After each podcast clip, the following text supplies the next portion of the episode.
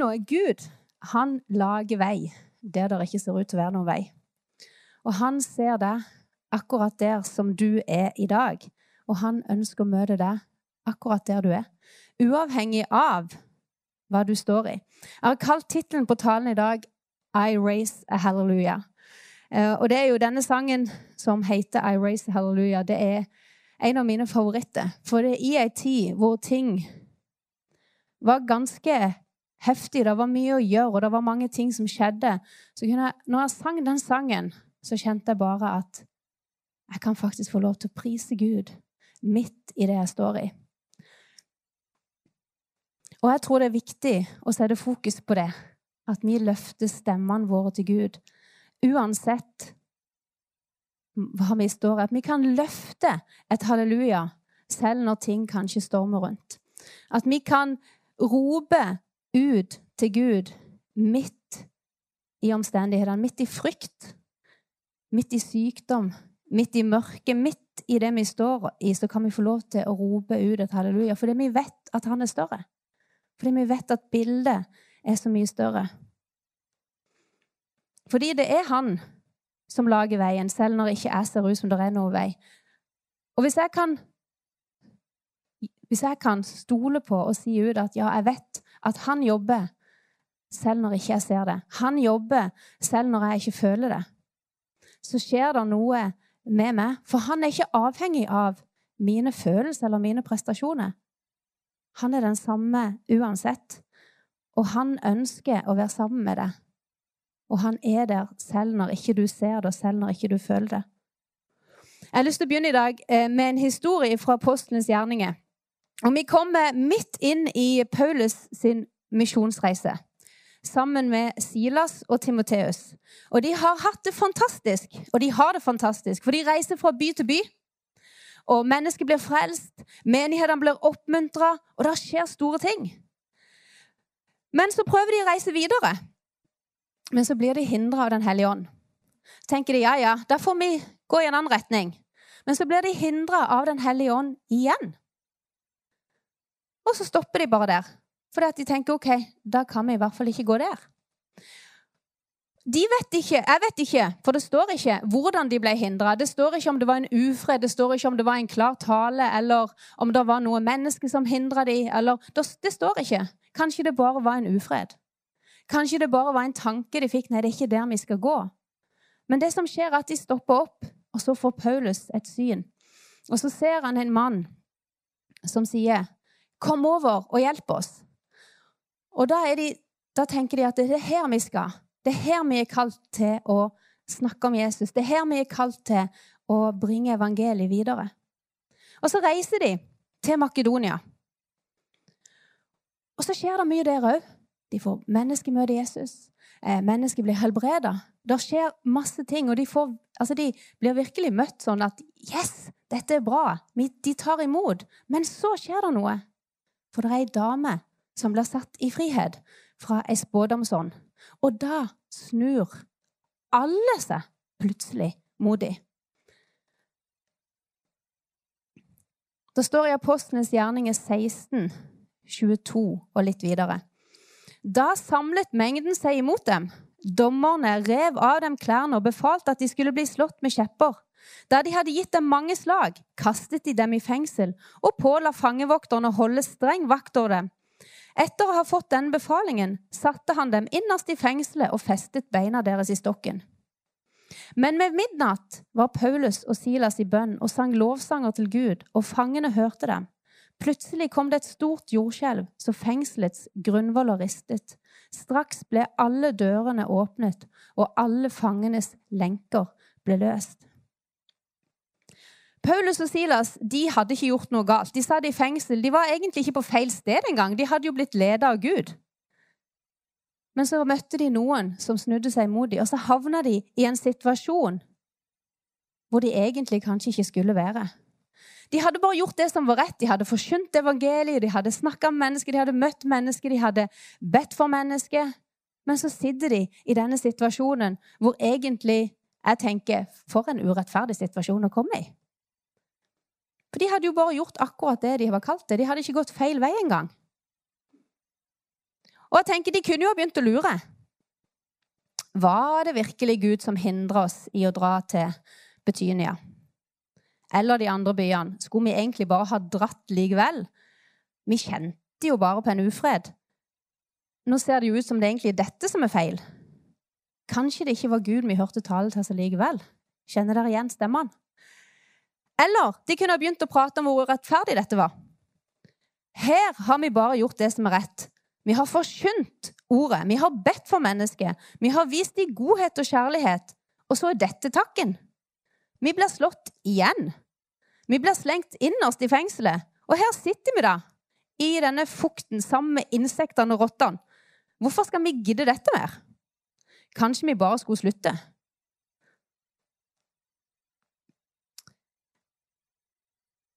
Kan, vi står jo ikke akkurat i samme situasjon, for vi sitter jo ikke fysisk i et fengsel. på noen som helst måte, Heldigvis for det. Men vi kan være i situasjoner hvor vi kanskje tenker vi har gjort alt rett. Eller kanskje vi har, noen har snudd seg mot oss. Altså vi er kommet i en situasjon Kanskje vi står i en situasjon hvor vi føler oss urettferdig behandla. Det kan gjelde både oss voksne og oss som er litt yngre. Kanskje du har opplevd å bli misforstått. Eller kanskje du har fått skylda for noe du ikke har gjort. Kanskje du har opplevd at noen har baksnakka deg og spredt rykte om det. Og kanskje du noen ganger bare har hatt lyst til å grave deg ned og lurt på, hvor, lurt på hvordan du egentlig skal komme deg ut av den situasjonen. Kanskje det til og med noen ganger føles som om vi sitter i et fengsel. Som vi på en måte er lenka fast fordi vi ikke vet hvordan vi skal komme oss vekk. Kanskje du har mista troa på deg sjøl, eller tilliten til de rundt deg. Kanskje du er redd for å være deg sjøl av de omstendighetene du står i. Kanskje du er redd for å gjøre feil. Det vi står i, det gjør noe med oss. Det, noe, det, kan gjøre noe med tankene våre, det gjør noe med følelsene våre. Det gjør noe med hvordan vi prater, og hvordan vi ser på oss sjøl, og hvordan vi ser på andre. Selvfølgelig er det kjempeviktig å prate om, men vi kan så lett bli fanga i det vi står i. Og så er det plutselig det det eneste tankene dreier seg om, og det eneste vi egentlig snakker ut. Og jeg tror vi har møtt, og vi kan møte, ulike stormer i livet. Og ulike harde sjøer. Og det kan være sykdom, det kan være økonomi, det kan være konflikter, det kan være egentlig hva som helst. Men uansett situasjon så tror jeg, og jeg vet, at det er én som har løsninger. Det er en som møter deg midt i situasjonen.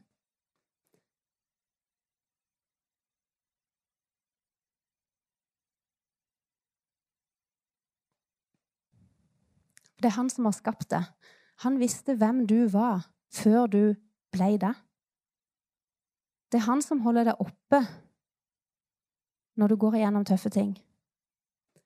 Det var han som forma det det var han som døde for, deg, og det var han som tok på seg alt. I Salme 23 så står det selv om jeg skulle vandre gjennom dødsskyggens dal, så frykter jeg ikke for noe ondt, for din kjepp og din stav trøster meg. Så det er ikke alltid det handler om at, om at omstendighetene plutselig forsvinner. Det står ingen plass at vi er lovt at vi skal gå gjennom livet uten noen ting som helst. Men det handler om at vi kan få lov å stå stødige i situasjonen fordi at Gud er der sammen med oss, og fordi vi har fokuset på Han. Det handler om at jeg kan få lov å stole på at han har løsninger, selv om jeg ikke ser løsninger. For Paulus og Silas de hadde ikke fokuset på seg sjøl, men de hadde fokuset på Jesus. De visste ikke hva som kom til å skje. De visste at de satt i fengsel. De, visste, de var usikre kanskje, for de hadde ikke peiling på hva som kom til å skje dagen etterpå. Men midt oppi dette så synger de lovsanger til Gud. Det er akkurat som de løfter et halleluja midt inne i fengselet. Fordi de lar seg ikke styre av at de er satt i fengsel. De lar seg ikke styre av omstendighetene. Omstendighetene er jo forferdelige. Jeg tror ikke vi egentlig klarer å sette oss inn i hva de satt i.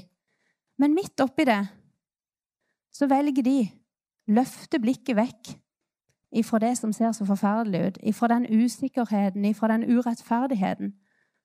Og så løfter de et halleluja opp til Gud.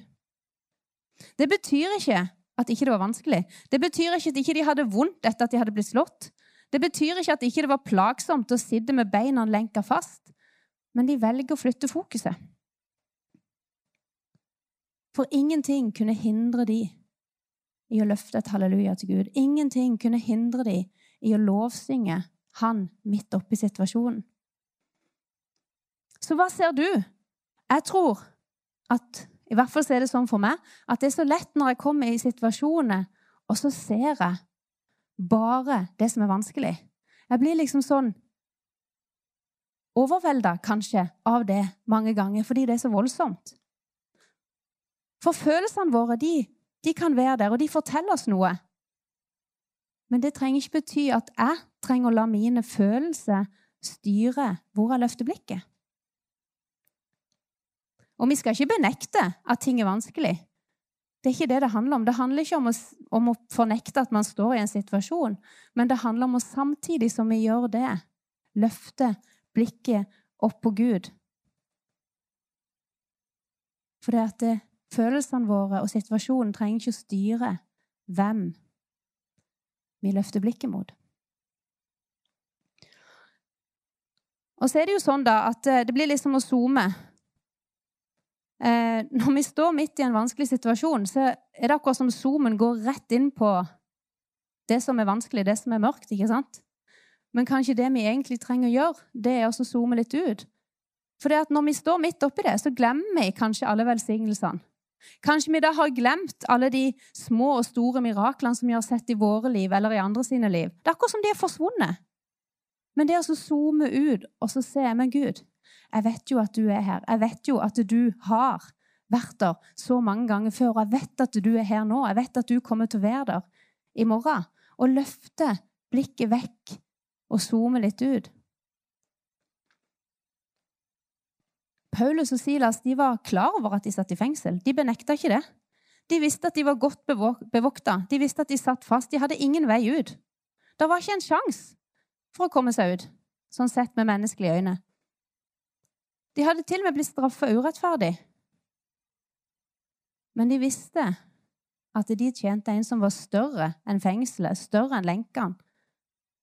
De visste at han var til stede, men når de løfter, når de ber, ber til han og lovsyker han, så vet de ikke at lenken skal falle av. Det er ikke derfor de gjør det. De gjør det fordi at det er han de tjener. Så hva taler vi ut? Eller hva taler du ut? Hva taler jeg ut? Jeg har lyst til å gå tilbake til Det gamle testamentet. Når Moses sender tolv speidere ut til løfteslandet, da har Gud lovt dem at de skal få lov å innta landet. Han har gitt dem et løfte. Et løfte om at dette skal dere få. Alle disse tolv har sett de samme tingene. De har erfart de samme tingene. De har sett hvordan Gud har gjort mirakler i Egypt. De har sett hvordan Gud åpner veien gjennom havet. Jeg tror ikke Moses engang trodde at det var det som var veien til ørkenen. Igjennom, vekk fra faraos her. Men Gud åpner veien, så de går tørrskodd gjennom havet. Alt dette har de sett. De har sett at Gud har gitt dem mat midt i ørkenen, hvor det ikke er noe mat. De har erfart akkurat det samme. Og Så går de ut og speider landet, og der ser de òg det samme. De ser det grønne, frodige landet med masse frukter. De må drueklasene er så store at to menn må bære dem på en stokk imellom seg. Det er grønt, det er, det er så fint som de sikkert aldri har sett før. Og så er det noen kjemper i landet. Så kommer de tilbake igjen. Og det er ti av, av speiderne de har fokus på den lille tingen som de ser i landet. Det var det var disse kjempene. Og så har de fokus på sin egen kraft. Hva de er i stand til å gjøre. Dette går aldri. Vi kommer aldri til å klare å innta landet, for disse kjempene er så store. Vi er som gresshopper i forhold til de kjempene. Sånn så ser de på seg sjøl og på sin egen kraft, hvor mye de kan klare i seg sjøl. Men så har du Josfa og Caleb, som har sett akkurat det samme. De har hatt øynene på det samme. Men fokuset de sitt er ikke på sin egen kraft, men den er på Guds kraft i situasjonen. At hvis Gud har lovt oss, så er han i stand til å gjøre det. Hvis Gud er med oss, så kan vi innta landet. Og så har de blikket på en helt annen måte, som gjør at de går inn i situasjonen med 'Dette kan vi klare. Situasjonen er jo den samme. Det er ikke noe forandra i omstendighetene. Det er bare blikket. Det er bare hva de taler ut.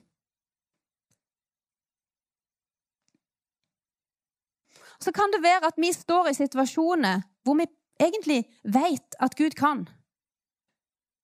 Vi har kanskje sett han har gjort det før, at det har kommet en løsning før. Men så er vi så overvelda fordi det ser så umulig ut.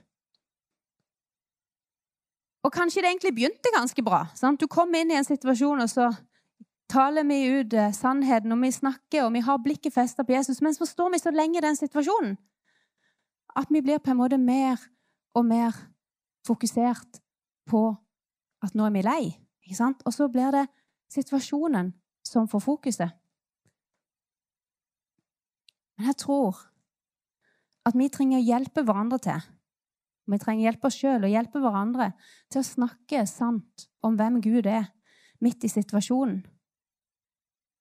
For Gud er ikke avhengig av omstendighetene. Ingen omstendigheter er for store for han, ingen er for små for han.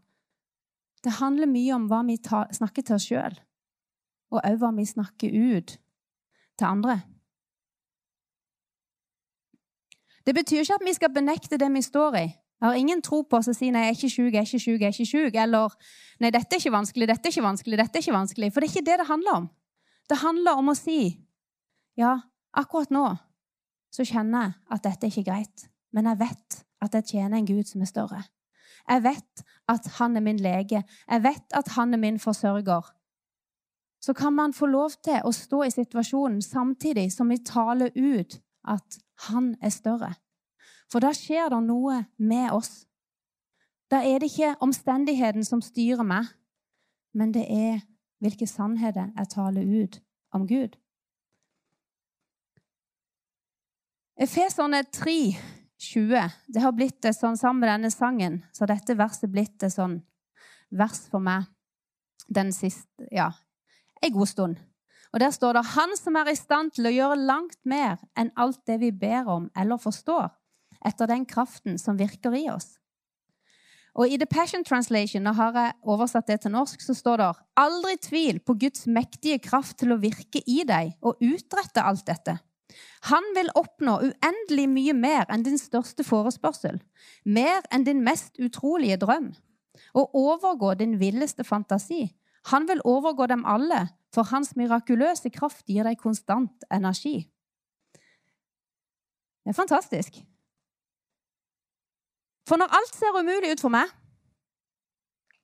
og jeg tenker på det verset, så kan jeg se litt på det sånn at når ikke jeg vet hva jeg skal be om, når ikke jeg klarer å tenke ut flere løsninger, når jeg ikke har fantasi nok til å tenke noe mer, så er hans fantasi, eller hans han er i stand til å gjøre så mye mer. Han er i stand til å utrette så mye mer enn det jeg er i stand til å tenke. For min hjerne, den stopper et sted. Men han, hans kraft, stopper aldri. Og Derfor så vet jeg det at ok, nå ser det ut som det er ikke noe vei her. Men selv om jeg ikke ser den veien, så vet jeg at han er i stand til å gjøre langt mer enn det jeg ber om. Han leda israelsfolk gjennom havet. Han åpna fengselsdørene, og lenkene falt av. I menneskelige øyne er jo ikke det umulig. Og Hvis vi tar med en annen historie, så står det at Peter han satt i fengsel. Han lå og sov mellom fangevokterne fordi at de skulle ta livet av han dagen etterpå. Der sov han. Og Så kommer det en engel og leder han ut fra fengselet. Og banker på døren hos vennene sine som holder på å be for han.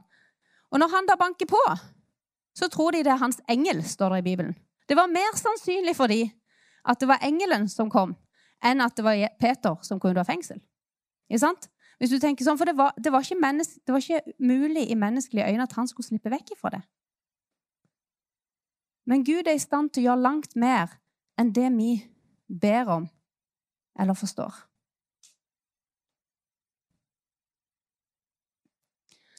Den siste delen av verset sier 'etter den kraft som virker i oss'. Og det er jo litt sånn spesielt. For jeg vet ikke om jeg tenker på at den kraften, den er i oss. Guds kraft er i oss. Når vi har tatt imot Han, så har vi fått Den hellige ånd på innsida. Og I Efeserne 1,17-20 så ber Paulus for efeserne, og der sier han Jeg ber om at vår Herre Jesu Kristi Gud, herlighetens Far, må gi dere visdom og åpenbaringsånd, så dere kan lære ham å kjenne, og at deres forstands øyne blir opplyst, så dere kan forstå hvilke håp dere fikk ved hans kall, og hvor rik på herlighet hans arv er blant de hellige, og forstå hvor overveldende stor hans kraft er for oss som tror, etter virkningen av hans mektige kraft. Det var denne han lot virke i Kristus da han reiste ham opp fra de døde og satte ham ved sin høyre hånd i den himmelske verden. Altså den samme kraft som reiste Jesus opp fra de døde, den kraften virker i oss. Når vi velger å tale ut sannheten på tross av omstendighetene vi står i, når vi velger å, for å bruke uttrykket, løfte et halleluja midt i situasjonen, så skjer det noe med oss. Fordi vi taler ut at Gud er større. Vi taler ut hvem Gud er. Og det er lov å rope ut at Gud er min forsørger, selv om han akkurat nå står i en økonomisk krise. For han er like mye min forsørger når jeg har overflod, som han er om jeg akkurat da har det vanskelig. Han endrer seg ikke. Men situasjonen kan forandre seg, og så har han en vei igjennom. Juster kursen har jeg kalt mitt siste punkt. Dersom vi kjører bil, båt eller fly, eller til og med om vi går en tur, så skal det ikke så veldig mye kursendring til før vi har gått veldig feil når vi kommer til målet. Det skal ikke så veldig mye til. Og det skal heller kanskje ikke så veldig mye til for at vi er på rett kurs igjen. Ikke sant? Det justerer kursen. Jeg husker en gang vi skulle til Bergen. Det er, Jeg tror vi just var gift, meg og David. Og da skulle jeg være kartleser, og det endte ikke så veldig bra. Eh, for vi mist, eller ikke om vi mista en avkjørsel om jeg tok av for tidlig, men i hvert fall så endte vi ganske langt unna der vi skulle. Eh, og en annen gang nå i sommer så var vi på tur i Bjørnevåg. Eh, og der er jo ikke jeg kjent i det hele tatt. Men det er jo Grete og Knut Daniel. Men da var det bare en bitte liten feil vei vi tok, og så plutselig så måtte vi bruke GPS på telefonen for å finne tilbake igjen. For det skal liksom ikke så mye til før vi går litt feil. Men det skal heller ikke så mye til før vi kommer inn på rett kurs igjen. Og jeg har tenkt mye, mye, på det at vi har kanskje litt lett for å la våre følelser og våre erfaringer bestemme hvordan Gud er, eller hvem han er. Men det er jo ikke våre erfaringer som bestemmer det. Selv om det kanskje er litt sånn samfunnet er i dag. At hvis man eh, føler noe, eller hvis man erfarer noe, så skal man liksom justere sin tro eller sitt bilde av Gud etter det. Men selv om mine erfaringer endrer seg, så er jo Gud den samme. Selv om jeg står i noe som jeg ikke forstår, så er fortsatt Gud den samme. Selv om mine følelser ikke stemmer med de sannhetene jeg finner i Guds ord, så er faktisk Guds ord fortsatt det samme. Han forandrer seg ikke, og hans ord det forandrer seg heller ikke. Hans sannhet om det, de forandrer seg ikke.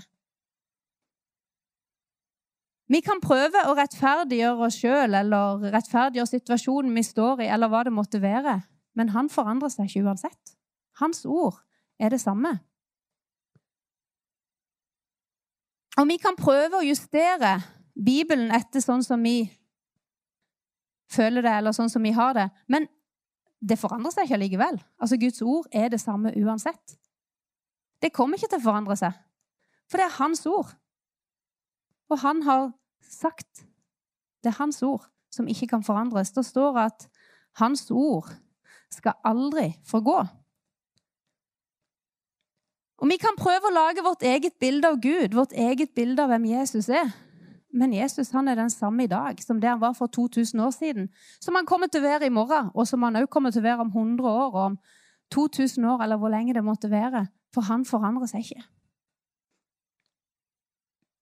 Men vi kan få lov til å leve i relasjon med han og bli bedre kjent med han. Og så kan vi få lov å justere våre liv etter Han. Og det er ikke en prestasjon. det er ikke noe man skal liksom, Nå skal vi prøve å være så flinke, for det handler om at Han kommer med sin gode stemme og justerer oss når det er nødvendig. Og så kan vi få lov å velge om vi vil justere oss inn på det, fordi vi har faktisk et valg. Men det handler om at vi lever i relasjon til Han. At vi taler ut sannheten om Han midt i de omstendighetene vi står i. At ikke vi lar omstendigheten vi står i, styre hva vi tror at Gud kan. Og kanskje du, kanskje jeg, kjenner på noe akkurat nå som vi trenger å justere. Kanskje vi går igjennom noe nå. Kanskje det er noen vi trenger å gjøre opp med. Kanskje det er noe i våre liv som må justeres. Og da er han der. Og så hjelper han oss til å gjøre det. Kanskje vi trenger, Noen ganger så trenger vi å be om unnskyldning, bare. Og så kan det være så vanskelig. Men når man kjenner på en stemme eller kjenner på en tanke om at Gud minner oss på noe, så er det så viktig at vi tar det skrittet og lever i, tett i relasjon til Han. For det er Den hellige ånd som taler til oss. Men så er det vi som velger hva vi tar tak i. Han Lovsangstimen kan komme opp. Han er den samme, uavhengig av hvilken situasjon du står i. Og du kan få lov å velge å rope eller løfte et halleluja midt i det som ser uoverkommelig ut. Du kan få lov å velge å lovsynge han. Du kan få lov å velge å løfte stemmen din til han. Men det er et valg som du må ta. Det er et valg som jeg må ta. Jeg kan ikke ta valget for deg. Jeg kan ikke gjøre det for deg. Og du kan ikke gjøre det for meg. For når dine følelser virker uoverkommelige, så er det kanskje du som må justere hvor du har fokus, og hva du taler ut. Når mine følelser og mine omstendigheter virker uoverkommelige, så er det jeg som må gjøre det. Men så kan vi hjelpe hverandre. Vi kan støtte hverandre og stå sammen midt i det. Men så trenger vi å ta et valg om å tro at han jobber selv når våre følelser ikke er sånn. At han fortsatt jobber selv når jeg ikke ser det. Jeg har lyst til at vi skal reise oss opp, de som kan. Eh, så skal vi synge. Vi skal synge I raise the hallelujah. Og så har jeg lyst til at du, mens du synger, så tenk hvis du står i en situasjon Så syng du utover den situasjonen. Hvis du vet om noen som står i en situasjon, så syng du utover den situasjonen. Og så løfter vi opp et halleluja midt i det vi står i. Det kan òg være en god situasjon, og da kan vi òg prise Gud midt i den fantastiske situasjonen. For det handler jo ikke bare om det som er vanskelig, men det handler om å ha fokuset på Gud uansett hvilken situasjon vi står i.